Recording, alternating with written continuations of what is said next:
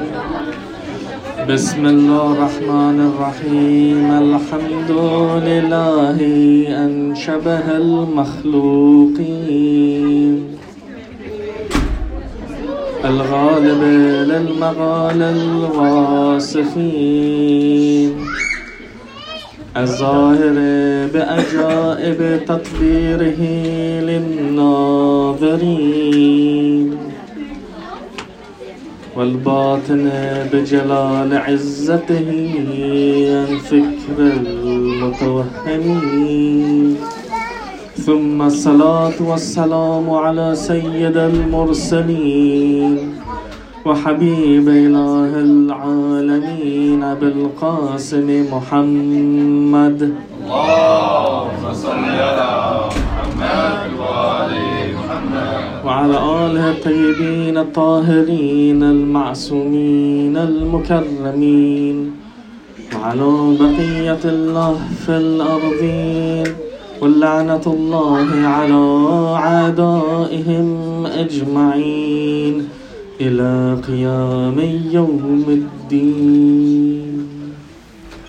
اللهم كن لوليك الحجة ابن الحسن صلواتك عليه وعلى آبائه في هذه الساعة وفي كل ساعة وليا وحافظا وقائدا وناصرا ودليلا وعينا حتى تسكنه أرضك طوعا. وتمتعه فيها طويلا Fimma Mehdis välgång och snara återkomst var vänliga skicka en salat. اللهم صل على محمد وآل محمد Wilaya är det viktigaste inom religionen. Det har beskrivits på ett mycket enastående och särskilt och unikt sätt. Och det är summeringen inom tron. Att ingenting, akhlaq, fiqh, allt som finns i islam, ingenting är viktigare än wilaya. I tafsir Ayashi, Imam Sadiq alayhi salam säger Inna wilayatina ahlul bayt, qutbul Qur'an, wa qutbul jami' kutub wa alayha yastadiru al-muhkamat al-Qur'an. Alltså wilaya är den centrala delen av Koranen. Alla, inte bara Koranen, alla kutub, alla de heliga skrifterna, alla Koranens muhkamat, alltså tydliga sanningar, går till wilaya. Yani den centrala biten av hela Islam och alla skrifter. Och huvudpunkten och huvudbudskapet är wilaya.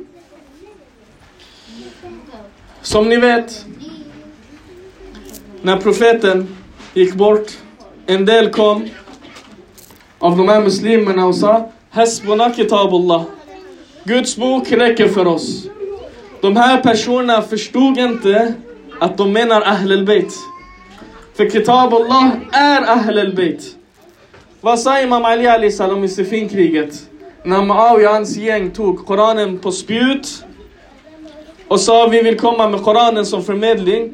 Imam Ali Ali salam sa bränn ner den här Koranen, det är bara papper. Jag är den talande Koranen. Koranen natiq. Bränn ner den, det är bara papper.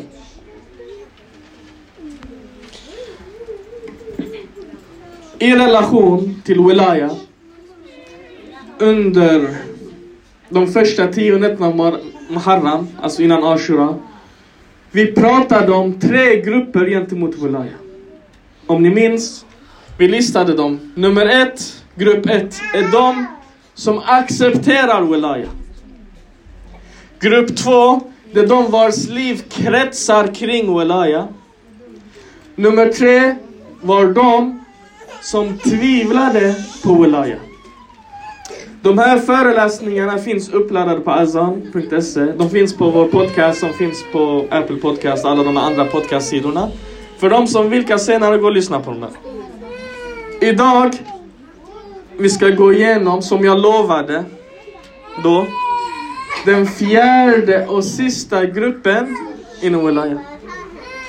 Vilken grupp är det? Det är de som är fiender till Ahlul Bayt. Syskon, i 40 dagar har jag väntat på att säga de här orden. Det här är tunga ord. Vi ska prata om dem som dragit krig, dragit svärd och startat krig och har hat mot Waliullah. Och vi ska etablera att krig mot Waliullah är direkt krig mot självaste Gud. Varför? Det finns en vers i den heliga Koranen.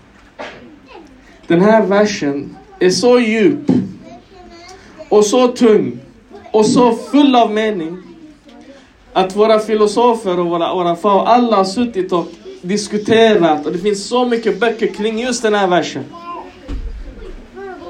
Vilken vers är det? Versen om Amana. Vad säger versen? Inna aradna al-amanata على السماوات والأرض والجبال فبين أن يحملنها واشفقنا منها وحمله الإنسان Vi erbjöd amana. Vad är amana på arabiska, på svenska? På, på engelska det blir trust. Vi gav ett förtroende, någonting man ska förvara, ta hand om, bevara åt någon annan. Amana. Det finns inget bra ord på svenska för den här.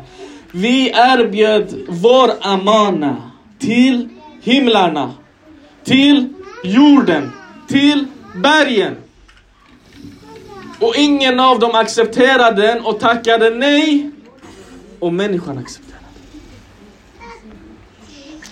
Innan vi går in på själva versen. Vi måste prata om konceptet med amana inom islam. Den har betonats starkt. I en hadith, profeten säger till Imam Ali alayhi salam.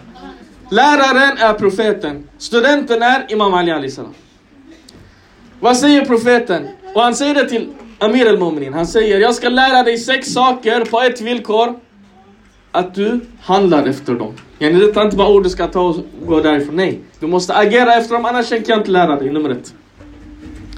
Amir al-Mu'minin säger, jag accepterar.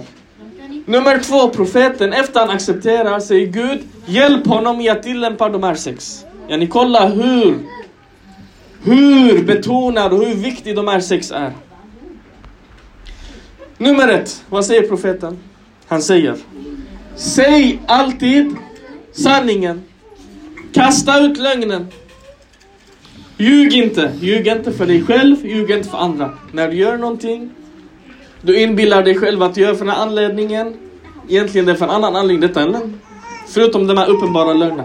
Ljug aldrig, inte mot dig själv, inte mot andra. Nummer två. Bönen, fastan, khom. Prioritera de här. Glöm dem inte. Håll fast vid de här. En person kanske vacklar lite grann, snubblar under sin dag. Han kommer till bönen, astaghfirullah rabbi wa. Han återställer. Han omfokuserar. Nummer tre. Räkna alltid med Gud som att du ser honom. Vad betyder det här? Det betyder att var noggrann i dina val. Var noggrann i hur du lever. Räkna alltid med Gud. Nummer fyra. Gråt ibland av khashyatullah. Gråt ibland för Guds skull. När ni går åt sidan, sätt dig någonstans i ditt eget rum, någonstans. Tio minuter för dig själv. Koppla dig till Gud och gråt lite grann. Av kärlek, av längtan, av fruktan, av rädsla. Vad, vad du vill. Gråt för Guds skull. Imam Ali Ali Salam säger om era hjärtan, om era ögon inte gråter betyder det att era hjärtan har blivit sten, de har blivit hårda, Kasi. De sa varför? Han sa, varför, blir hjärtat hårt? Och han sa, på grund av mycket synder. Synder gör att hjärtat blir hårt. Jag ger tecken, om du inte har gråtit på en vecka, det är ett varningstecken. En månad, gå och gör någonting. Du behöver akut medicin, gå till akuten. Jag gör tawassul till Imam Hussein. De berättar om Imam Hussein Ali. Ni vet, under Arafah-dagen, det finns två dua som är starkt mustahab att göra. En är från Imam Hussein Ali salam. En är från Imam Sajjad Ali salam. Imam Husseins dua Ali salam, som ni alla läser, inshallah. Den är ungefär två timmar lång, eller hur? Imam Hussein Ali salam. Okej, år 62 efter Hijra, eller hur Karbala inträffar. Och han föddes två efter Hijra ungefär. Yani han är 60 år gammal, någonting sånt här. Imam Hussein Ali salam, när han läser den här duan i två timmar som en 60-åring. Inte som en 20-åring, en ungdom som atlet. En 60-åring, 50-åring, 60-åring. Han står upp ståendes, gråtandes och läser hela dagen. Han säger Gud, vem är du och vem är jag? Så stor är du och så här liten jag. Jag har gjort den här misstaget, jag har gjort den här synden, jag har gjort så, så, så, så. Allt det här som finns idag.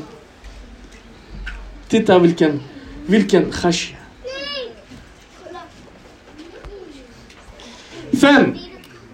Försök att offra egendom och liv i Guds väg. Ja, ni var inte snål i Guds väg. Alla vi har någonting. Nu det var en... Jag läste en broder la upp. Det var en iransk pilgrim nu, nu i Arbain i Irak. Han blev erbjuden en stol, han satte sig på stolen. Det var en ungdom som var bredvid stolen. Han ställde sig framför honom. Stod still så här framför honom. När iranien, så han skrev på Twitter, han sa, jag frågade honom eh, kan jag hjälpa dig med någonting? Behöver lite pengar? Är det någonting jag kan göra för dig? Han sa nej. Jag är tomhänt, jag är fattig. Men jag vill erbjuda Imam Hussein sörjare någonting. Så jag har den här stolen, jag lägger den här. Jag låter Imam Hussein sörjare sitta här. Jag ställer mig framför dem som en skugga. Så de kan svalka sig. Det är allt jag gör. Jag har inga pengar men jag kan stå här som en skugga och svalka Imam Husseins sörjare. Offra någonting. Vadå? Alla har någonting, alla har någonting de kan offra. Den sjätte och sista punkten är Bevara amana. Yani du har fått ett förtroende, du har fått någonting du ska ta hand om. Bevara den. Svik den inte. Så viktig är den. Detta är sex punkter för ett bra liv i detta, denna värld och nästa värld. Det var en ungdom i början av Islam. Abdullah ibn Sayyade. Det var han, tre systrar, mamma, pappa. Pappan dog. De gjorde fatha, de begravde dem och så vidare. Sen de kom, den här pappan han var kassör. Han dog, alla pengarna gick åt att begravningsprocessen och allt det här. Så på kvällen sen när man lugnat ner, lugnat ner sig lite grann, han kommer med sin mamma, han sitter och rådfrågar henne. Vad ska vi göra mamma nu? Nu imorgon jag måste gå och jobba, pappa är död. Jag har inga pengar, jag behöver någonting. Vad ska vi göra? Hur ska vi få inkomst? Hur ska vi försörja oss? Hit och dit och de diskuterar. Han säger jag behöver en investering för att gå och köpa någonting. Hit och dit. Stora problem. Det knackar på dörren. De öppnar dörren. En person kommer in, han presenterar sig. Han säger jag var din pappas kompanjon, din eh, pappas kollega i jobbet. Nu när han har dött, hur är ert tillstånd? Han säger, det är precis där vi diskuterar, vi vet inte hur vi ska lösa den här situationen. Han säger, här är en investering från mig till dig, pengar. Ta dessa pengar som Kharzul Hassan. Vad är Kharzul Hassan? Det är som vanligt lån. Han säger det är ett lån utan ränta, utan tid. Ta den hos dig själv, investera den, jobba med den, ta hand om den. När du kommit igång, du fått inkomst, du klarar det, ge tillbaka pengarna. Han säger tack så mycket. Den här ungdomen berättar för sin mamma och säger Alhamdulillah vad bra. Han säger imorgon jag ska gå, jag ska köpa lite saker, jag ska börja sälja dem, jag ska slå upp en affär och så vidare. Han säger men innan jag går, ge mig tillåtelse att gå till Imam Jafar Sadat och berätta den här och få hans dua. Han går till Imam Sadiq Ali salam. Imam Sadiq Ali salam lyssnar och gör dua för den här personen som ger det här lånet. Sen han säger en sak. Han säger nu han gav dig ett ekonomiskt bidrag. Jag ska ge dig ett andligt bidrag, ett råd tillsammans med det här ekonomiska. Hand i hand, din affär kommer bli framgångsrik. Vad är, där, vad är det här eh, rådet han ger till honom? Han säger till honom. Alayka besadq al-hadith wa da'il amana. Två saker. Sadq al-hadith. Ljug inte. Prata sen. Två. Amana. Får en amana, ta hand om den, förvara den. Om du gör de här sakerna så kommer folk att investera i dig. Ge dig sina pengar, anförtro sina pengar till dig och investera i för de tror på dig. Det var en av Imam Sadaqs Ashabs eh, följeslagare Abdullah ibn Abi Jafur i Kufa. En av hans grannar skulle åka till Medina till Imam Sadaq Ali salam. Han sa när du går till Imam Sadiq, skicka min salam till honom. Han går dit, imamen sitter, alla kommer. Eh, den här grannen han säger ah, salam från den och den och den och den och Abdullah ibn Abi Jafur skickar sin salam. Imamen svarar alaikum assalam, salam till allihop tillbaka. Sen han säger en mening. Och vad gäller Abi Jafur, låt mig säga en mening till honom. Och här man säger, ni vet imamerna, beroende på vem mottagaren är, deras meningar är olika stora. Yani djupet och tyngden i dem är olika beroende på vem som lyssnar. Om frågaren Salman, det är ett svar. Om frågan är en enkel person, det är ett annat svar. Det är olika. Från den här man vet att den här Abi Jafur var en tung person. Han säger, säg till honom. انظر ما بلغ به علي عند رسول الله فألزمه إنما بلغ ما بلغ علي ب- بصدق الحديث وأداء الأمانة Titta! Titta på vad Ali gjorde så han fann den ranken som han fann hos Rasulullah. Det var inte bara så här, ah, det är min kusin, det är min svärson, han ska bli... Nej, det handlar inte om det här.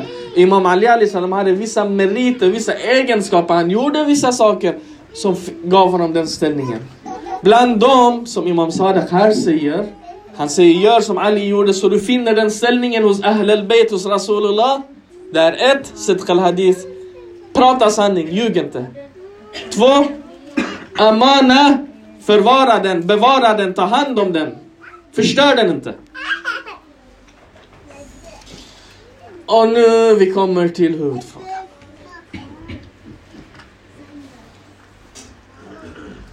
Vad är Amana? Vad är den här Amanan som Islam pratar om så mycket?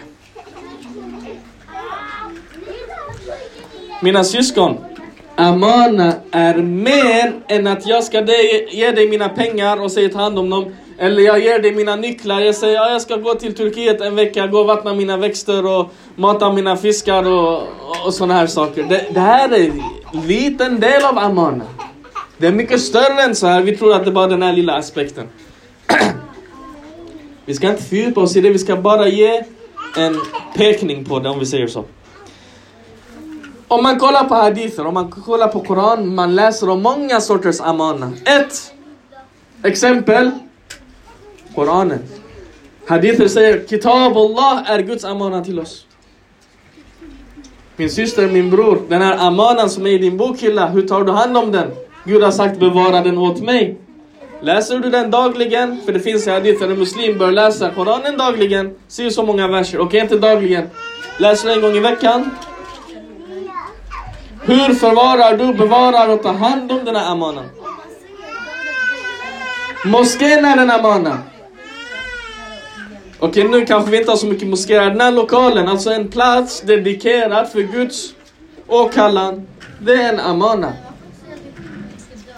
Din kompis som, hur ofta går du hem och besöker? Jag vet Gud finns överallt, jag ska inte begränsa han till en plats. Men moskéer och platser, Husseiniat och så vidare, de här kallas för Guds hus, eller hur? Det betyder inte att Gud bor i dem, detta är platser för, dedikerade för Gud. Hur ofta har du besökt Gud i hans hus?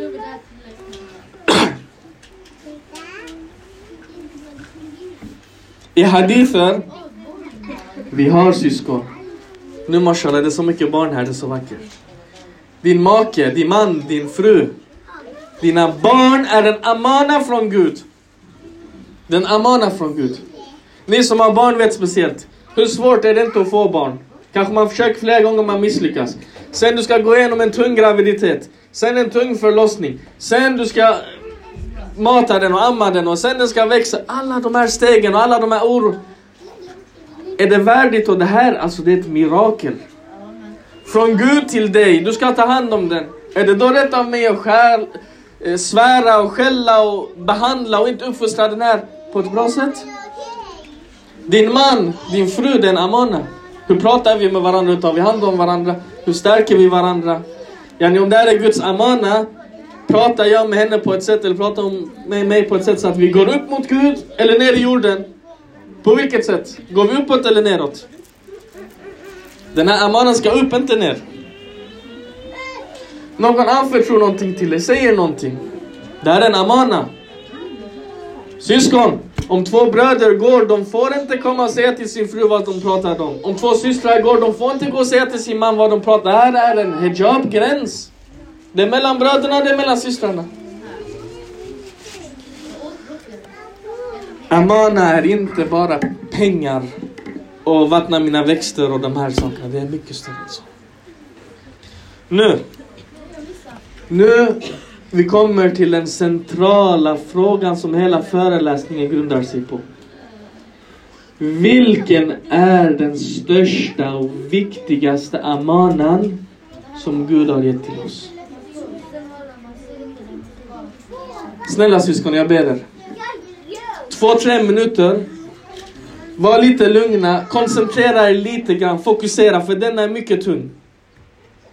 I 40 dagar så har jag suttit Ska vi ta upp det här nu? Vi väntar lite.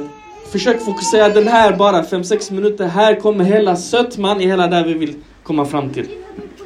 Hur kan Muhammad.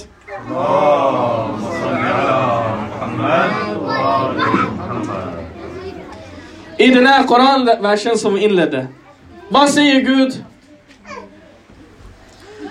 Vi gav den största amanan till skapelsen. Först till himlen. Ta den här amanan och bevara den. Himlen sa, jag orkar inte. Den är för tung för mig. Jag kan inte, jag kommer böjas ner. Inna aradna al-amanata ala samawat. Wal ard. Vi sa till jorden. Du är stark, ta den här. Ta emot den. Ta den här amanan. Han sa, nej jag kan inte. Jag kan inte ta emot den, den är för tung för mig, jag kommer sjunka ner. Waljibal. Vi sa till bergen, ni berg, okej okay, ni är stora, ni är starka, det finns inget mäktigare än er på jorden. Ta ni den här amanen. Nej. Jag kan inte ta den, jag är inte stark nog, jag är svag gentemot tyngden av den här amanen. فبينا يحملنها وشفقنا منها De avböjde, de tackade nej för de var rädda för den. De fruktade den. Så vi kom till insan, till människan. Tar du den? Fahamelna insan. Människan sa, jag klarar den. Jag klarar den. Hon accepterade den och tog emot den. Vad är den här amanan? Vilken är det? Vad är det här för amana? Vad är det här? Guds amana som himlen orkar inte den, jorden orkar inte den, bergen orkar inte den. Men människan har kapaciteten att klara Många, många hadither säger en enda sak. De skriver med stora bokstäver Ahl al-Baits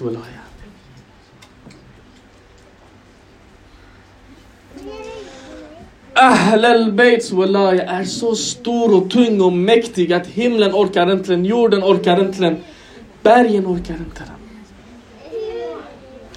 Syskon, jag säger hela, hela Muharram, jag väntar att jag vill säga den här saken varje torsdag kommer jag säga att vi, vi tänkte ta upp den, för jag lovade, jag sa att vi ska gå igenom grupp 4. Jag tänkte, jag tittade ut på himlen, jag sa inte denna natten, det går inte. Jag tittade ut, jag sa nej denna veckan går inte. Jag vet inte, till denna natten, jag tänkte idag vi måste, vi har lovat. Och det finns saker här i den här ayan som jag ser nu, alhamdulillah, att i vår majlis det finns personer som har en lite djupare syn, lite andligare smak. Som har gått lite djupare i religionen, som är mottagliga för den här sanningen vi ska prata om nu. Jag vill inte stanna, jag ska bara öppna en parentes. En tung erfarenhet parentes. Detta är resultatet syskon av kanske tio erfarenhetsböcker. En innehållet i de här pratar om den här saken. Jag själv har funderat på den här saken i tio år. En RF kom med en mening, han klickade allt det här som jag funderat över i en enda mening. Och jag vill komma och ge den här till er. Vi öppnar parentesen, vi pratar om när vi går vidare, för detta är en sån plats som änglarnas vingar brinner, brinner upp på. Man ska inte stanna för länge, den är inte för var som helst närför. Vi bara pekar på den och går vidare. Säg efter mig. Bismillah rahman rahim. Vad vill den här versen säga till oss? Den vill säga Åh människa! Ser du himlens höjd? Ser du hur hög himlen är? Människa, titta på jordens rymd och vidd och bredd. Ser du hur bred den är? Jorden är. Människa, titta på bergen. Ser nu hur starka och ståndaktiga de är. Åh människa, om du inte säljer dig billigt så är din höjd högre än himlarna. Din bredd och vidd och rymlighet är bredare än jorden och din ståndaktighet och styrka är starkare än bergen. Om du tittar på ett höghus. Om en person kommer, han bor i ett höghus, han kommer nerifrån och slår den och slår den och slår den tills den rasar. Det är inte att huset inte är högt. Huset är högt. Det är han som tar sönder det med sina handlingar. Yani, åh människa, du har sån hög rank. Du har en sån enorm kapacitet, du har en sån orubblig styrka. Sälj dig inte billigt för den här kortvariga, enkla världen. Sälj dig inte billigt. Vi har en hadith al-Qudsi. Den här hadith Qudsin, Allah subhanahu wa ta'ala säger La yas'auni ardi wala samai walakin yas'uni qalb ah- mu'min. Himlarna och jorden kan inte rymma mig, Allah, men jag ryms i min abds, moments hjärta, min tjänares hjärta. Universum kan inte rymma Gud, men en troendes hjärta, i den han ryms. Varför? För det här hjärtat syskon. Det är högre än himlarna, det är bredare än jorden och det är starkare än bergen. Om vi inte säljer oss billigt får vi den höjden, den bredden och den styrkan. Vet ni vad resultatet av det här är? Vet ni vad det resulterar i syskon? Den här människan med den höjden, kommer han buga sig inför någon makthavare? Kommer han göra det? Jag är högre än himlen. Vem är du att jag ska komma och böja mig inför dig? Att du har, och om du har makt, du har lite makt. So what? Vad spelar det för roll? Vem är USA så vi ska dansa efter deras pipa? Ja, detta är filosofin av en som har den här. Vem är USA? Varför ska jag böja mig inför dem? Ja, ni vad? Ja, ni varför ska jag böja mig inför deras kultur och livsstil och levnadssätt? Vem är de? Jag är högre än himlen. Jag är en människa som är rymligare än jorden. Ska jag begränsa det här aklen, den här intellektet, det här hjärtat och fylla den och diskutera onödiga små, små saker? Oroa mig över dem? Åh, jag är stressad. Åh, jag vet inte vad jag ska göra. Vad är det med dig? Ta det lugnt. Vad är det som är så viktigt? Vad har hänt för någonting? Slutändan, det är två, tre kronor, två, tre termer, en, två tentor. Vad händer? Ingenting händer. Ditt hjärta är en hel värld. Vem är du? Du ska gå och studera någon annans bok. Låt den här boken komma och studera ditt hjärta. Du har hela universum här inne. Ta det lugnt. Var inte orolig. Det här oändliga scrollandet som vi har på de här sociala medierna. Wallahi, detta är, om jag ska säga, liknar väl någonting. Dagens stengud och idol, det är den här mobilen. Vi går in i den sociala med söker en efter en, bara fyller den här enorma jorden med så mycket onödiga, negativa, tunga skräp. Yani du har en stor jord, en stor bördig trädgård, eller hur? Och du kommer ta alla sopor som finns, alla folks sopor, för det är folk som lägger upp. Alla människors sopor och lägger i din trädgård. Vad är det här för någonting? Den här kalben du har, det här intellektet du har, det är så här stort. Vad, vad fyller du det med? Människa! Människa, du är starkare än berget. Du ståndaktigare än berget. Inget rubbar dig. Kolla på de här bergen. Det kom en tsunami. Har, har det här berget flyttat på sig? Det kom en orkan. Har det här berget flyttat på sig? Det kom en jordbävning. Har det här berget rasat? Det här berget har stått här, jag vet inte hur många miljoner år. Det kommer stå där hur många ända i al Khiyama tills Gud tar sönder allting. Det här berget flyttar inte på sig. Och du är starkare än den här. Ja, ni var min syskon. Ingen prövning, ingen svårighet, ingen sjukdom, ingen motgång, inget sjukfall, inget dödsfall, ingenting ska rubba dig, ska få dig att vackla. Du är ett berg. Du är, inte, berg, du är starkare än ett berg. Överge inte fältet. Lämna inte den. Tappa inte det du har. Vet ni syskon vad resultatet blir av en sån här människa? Vet ni vad resultatet blir? Det är inte jag som säger. Det är inte hadith som säger. Det är självaste Koranen som säger. Inna alladhina qalu rabbuna Allah. Thumma istaqamu. Tatanazzalu alayhimul malaika. Inna lavina galu, de som säger Rabbun Allah, vår Herre är Allah. Thumma staqamu. Sen de har ståndaktighet. De är starka som bergen. Dessa personer, tatanazzalu alayhim al-malaika. Yani änglarna kommer ner till dem. Yani änglarna gör sujud inför dem. Yani änglarna bugar och böjer sig inför dem. Yani änglarna kysser deras fötter. Yani änglarna utför deras order. De lyder dig. I hadither via änglarna blir tjänare till sådana här personer. Har du den här höjden syskon? Den här bredden, den här styrkan. Änglarna är under dina fötter. Så, nu stänger vi parentesen. Där? Vem är grupp fyra? Vem är grupp fyra? Det är de som krigar mot, wala, Walaya, yani de krigar mot den här mäktiga amanan från Gud. Det var hit jag ville komma. Förstår ni nu hur allvarligt det här är med avståndstagande från Guds fiender? Det är inte bara Alan, Allah den och den. Nej, titta det är ett helt koncept. Fiendeskap och Ahlul Bayt, det här är mycket allvarligt syskon. Det är den lägsta och värsta ranken som en människa kan nå i Koranens termer. Asfale safelin, längst ner. Varför? För att kriga mot Walaya är lika med kriga mot självaste Gud. Varför? För Gud säger Ali ibn, Imam Hussein Ali salam, Hussein ibn Ali. Han är min amana till dig. Hans ansikte är mitt ansikte. Hans ansikte är mitt ansikte. Vad gör ni med det här ansiktet? De stenar den.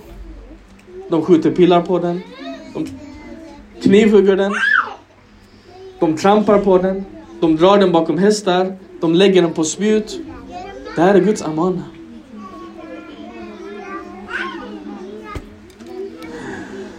Varför syskon?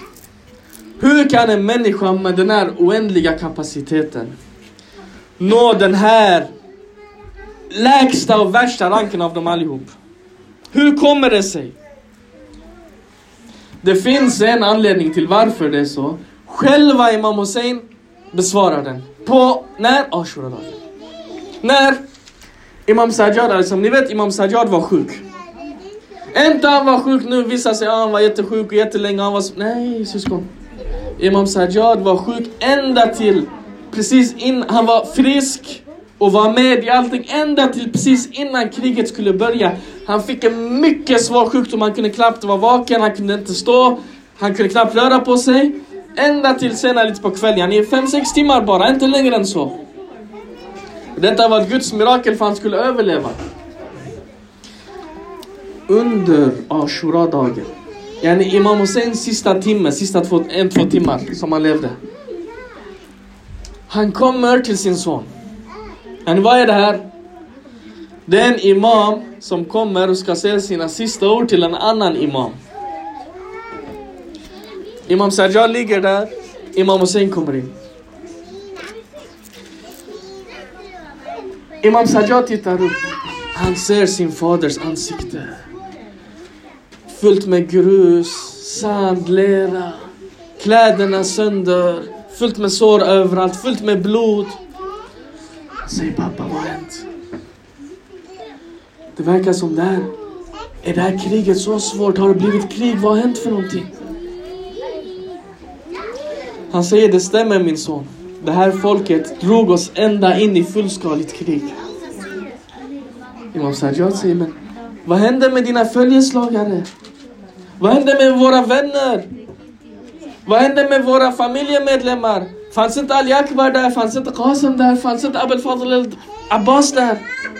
Hur kunde de låta det här ske? Imam Hussein berättar hur en efter en av dem föll. Ali Akbar dog. Abbas dog. Alla de här dog. Imam Sajjad Ali Sam säger, han säger en jättedjup mening. Det är en enkel fråga. Zahir, men baten det är en mycket tung fråga. Han säger pappa, presenterar du inte dig själv till det här folket? Sa du inte att du är Alis son, Fatimas son, Rasulullahs son? Sa du inte de här sakerna till dem? Han sa, jag sa min son. Jag berättade allting. Jag sa, jag son till den och den, det här, så, så. Jag berättade allt för dem. Jag gav fullständig presentation av mig själv. Imam Sajjad ställer den här frågan. Varför pappa? Varför gjorde de det här mot dig? Imam Hussein säger den här. Det är en vers från Koranen. استحوذ عليهم الشيطان فأنساهم ذكر الله Shaitan kom och tog över dem. Om jag ska säga den så. Han kom i deras hjärtan, tog över dem. Så de glömde dhikrullah, Guds åminnelse. Yani vad är anledningen till den här fiendeskapen av wilaya? Vad är anledningen? Enligt Imam Hussein på Ashura-dagen, det är ghafla. Försummelse, glömska. Du glömmer Gud. Vad är glömma Gud syskon? Syskon, de som dödade Imam Hussein i Karbala, det var inte otroende, det var inte icke-muslimer. Det var troende religiösa muslimer. De bad, de fastade, de läste Koranen. Var det så eller var det inte så? Hur kommer det sig? Imam Hussein säger de glömde Gud, de är bad. Hur kan bönen få dig glömma Gud? Vet ni varför syskon? En bön, en bön som görs baserat på vana är ingen bön, det är en handling. Yani du rör på dig lite grann. Detta är inte en bön som finns dhikrullah i den. Bönen varje dag ska ta dig ett steg närmare, ska lära dig någonting nytt. När den inte gör det här, det här bönen är ingen bön, det är en serie handlingar du gör. واقيموا صلاة للذكر قرآن قرآن säger. واقيموا صلاة للذكر inte واقيموا صلاة för gymnastik. واقيموا صلاة للذكر för minnas mig. Shemr ibn Dhul Jawshan, la'natullah. Den här Shemr ibn ni vet, han hade märken på pannan, han hade märken på knäna, på armbågarna. Av vad? Av att ha bett så mycket, eller hur syskon? Han är känd som en som hade memorerat hela Koranen. Det är samma Shemr som sätter sig på Imam Husseins bröst i det sista ögonblicket och gör det där som han gjorde. Hur? Religionen den har ett yttre skal. En zaher, det är den här bönen, fastan, de här religiösa handlingarna. Den har en baten, den här baten, en kärna, den kallas för erfan. Om den här yttre inte tar dig till den inre, den här bönen, ingen, den här bönen, den här religionen är ingenting, det är bara ett skal. Det är en död kropp utan blod i sig. De förstår inte. De förstår inte. Så de vilseleds, så de glömmer, så de dödar. Så enkelt. Faktiskt syskon, det är en stor välsignelse att Imam Mahdi inte är bland oss idag. Vem säger att vi inte skulle göra samma sak som de gjorde? Det finns en risk. Ja, det finns tre typer.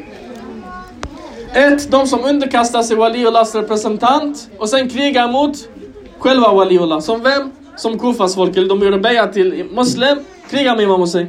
Vi också nu, vi har Gud, Waliullahs representant. Vi har Beja. Vem säger att im, Imam Mahdi imorgon, kommer vi kommer stå fast vid den?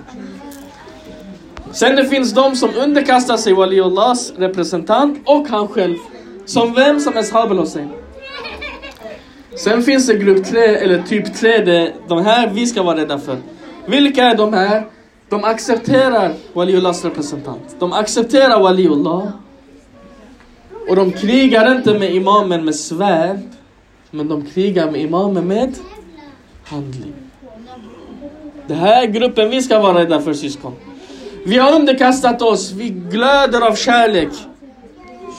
Men våra liv är inte ett liv som imamen accepterar. Mitt studentliv är inte ett studentliv som imamen accepterar. Mitt arbetsliv är inte ett arbetsliv som imamen accepterar.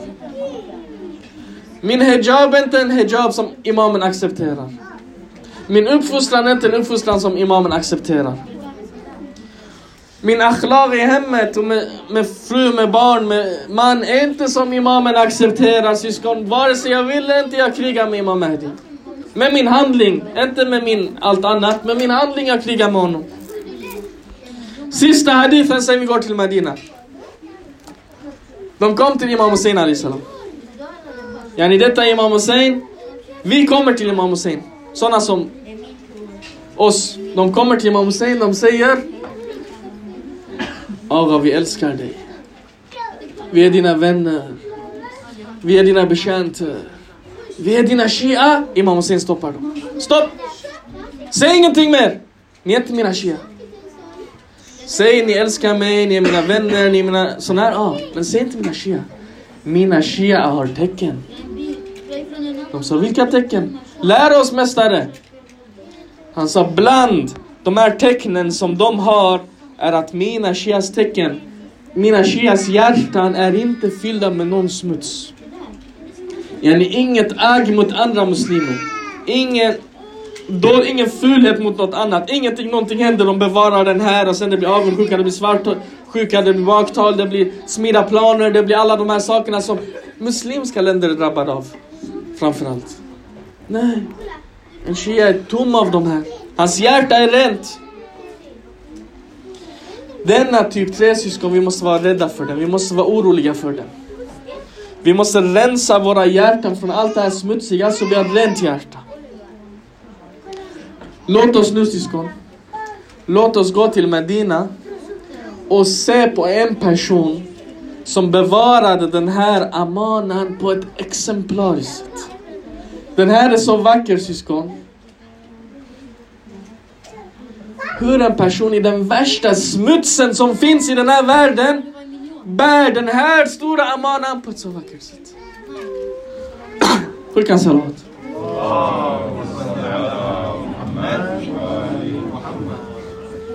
Hennes namn Hennes namn var Hind. Hind i sin barndom, hon blev mycket sjuk. Hennes pappa, han var mycket berömd, förmögen, mäktig person i, i Mecka. De här, de var kristna. Så i Medina, alla de bästa läkarna levde där. Så pappa och Hent, hans flicka, de går tillsammans till Medina. De går till alla läkare. Alla tittar på den här flickan, undersöker henne och når slutsatsen att hon kan inte botas. Hon är obotlig. Pappan blir hopplös. Han blir ledsen. De lämnar Medina i mycket hjärtkrossande och ledset tillstånd. De är på väg tillbaka till Mecka. På vägen, de sätter sig ner under ett träd vid skuggan och svalkar sig lite grann. Vilar lite grann. De ser en ryttare närma sig från långt avstånd.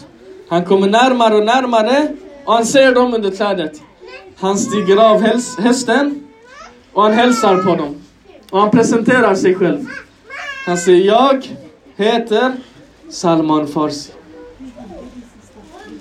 Och jag är från Medina och jag kan se på er att, för jag känner alla i staden, ni är inte från Medina. Varifrån kommer ni? Vad gör ni här? Hur mår ni? Kan- Finns det något jag kan hjälpa till er med? Pappan berättar vad som har hänt och hela händelsen. Och ja, att de nu är på väg tillbaka till Mecka. Salman säger, det finns en speciell läkare som jag känner, som jag lovar ni har inte besökt honom. Den här läkaren, han botar alla sjuka. Det finns inte en enda sjuk som har kommit hos- honom och återvänt och inte botats. Pappan blir glad. Han säger, Åh, ta mig till honom. Jag ger halva min förmögenhet till den här personen. Salman ler.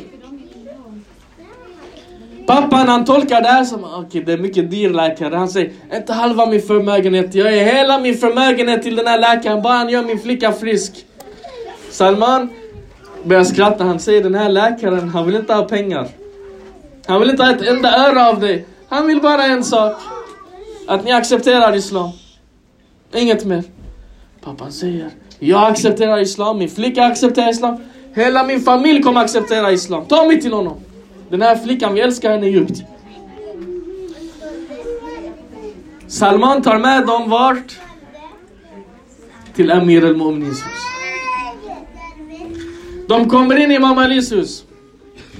Och pappan säger vad som har hänt och berättar hela berättelsen. Imam Ali lyssnar. Sen han ropar, Imam Ali ropar på läkaren i huset. Han säger läkaren kom. Vem kommer? Imam Hussein kommer. Imam Hussein kommer.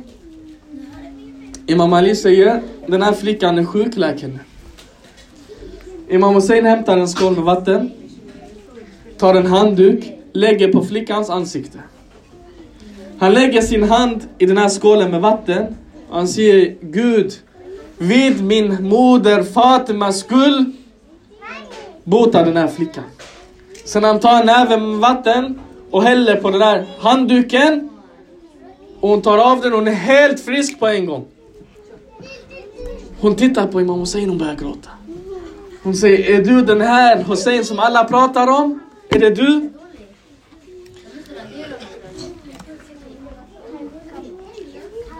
Flickan säger till sin pappa, hon säger, pappa låt mig acceptera Islam först. Sen du. Han accepterar.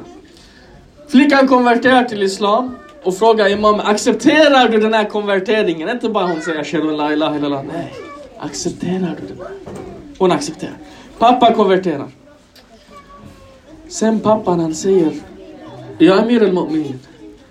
Det här, jag vill göra någonting mer, det här räcker inte. Den här flickan som jag har, låt henne få stanna hos dig ett år och betjäna er. Vara i huset, hjälpa till er, städa, sådana här saker ni behöver göra sysslor. Så, så vi kan återbetala vår skuld. Imam Ali accepterar inte. Pappan insisterar så mycket. Så Imam Ali till sist blir tvungen att säga okej okay, på ett villkor. Att ni hämtar henne efter ett år. Och vi kommer ta hand om henne som en hedersgäst. Vi kommer ta hand om henne. Pappan accepterar, de går. Det här året syskon.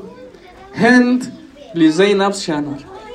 Men viktigare än så, Händ blir Zainabs bästa vän. Hennes syster. Viktigare än så, hon blir uppfostrad och upplärd av självaste Ahl al-Bayt. Yani tre imamer där, plus Fatima Zahra. Hon får en kunskap som hon inte ens kunde drömma om. Året passerar. Hennes pappa kommer. Hennes pappa kommer och säger tiden ute min dotter, vi ska återvända till Mecka. Dottern faller i tårar. Hon säger nej pappa, jag vill inte lämna det här huset. Hon faller på knä inför, inför Imam Alis fötter. Hon bönar och ber snälla, snälla aga, snälla. Hon börjar kalla honom min mästare, min pappa. Snälla låt mig vara kvar här. I alla fall med mycket om och men och hit och dit. Hon slits från familjen så att säga. Hon blir tvungen att gå till Medina, till Mecka. Många år passerar. Flickan växer upp. En dag kommer, hon gifter sig och flyttar hemifrån. Åren passerar. Många år passerar. Ashura inträffar. Ashura inträffar. En efter en som rosor Ashab al-Hussein faller till marken. Ali Akbar faller. Ali Asghar faller. Abul Fadl faller. Självaste Imam Hussein faller. De kommer, tar Zeinab, lägger henne i kedjor.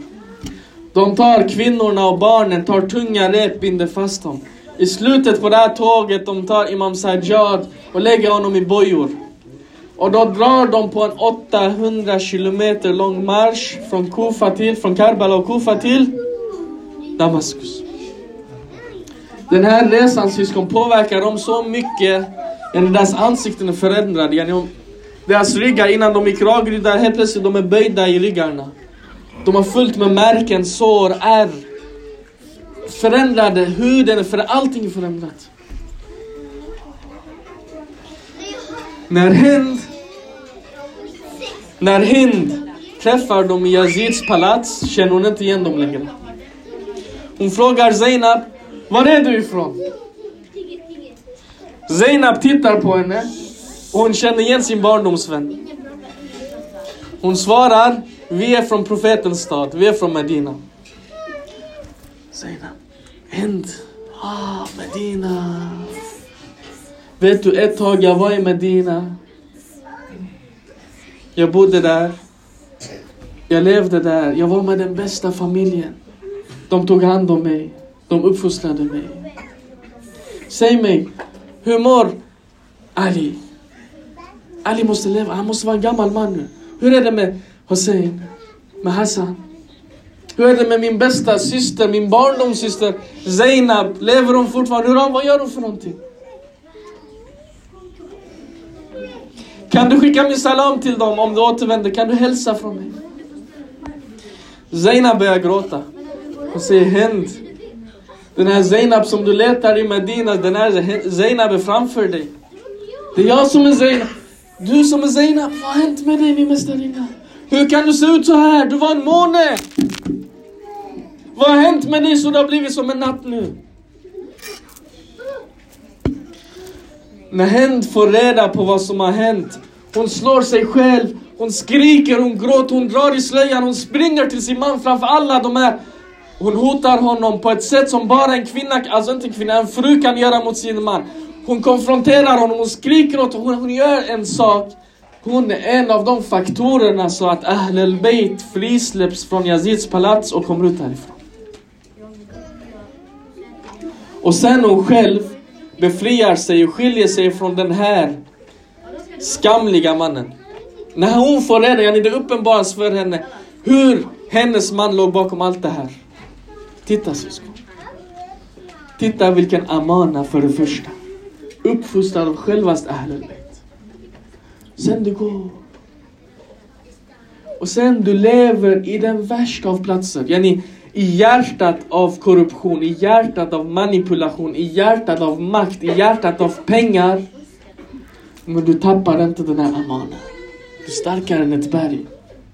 Yani hen som var i det palatset, vet Yazid var mycket duktig, hon avskärmade mycket från henne. Hon var ett berg, hon förändrades ingenting. Det var bara att hon inte fick reda på de här sakerna tills där inträffade.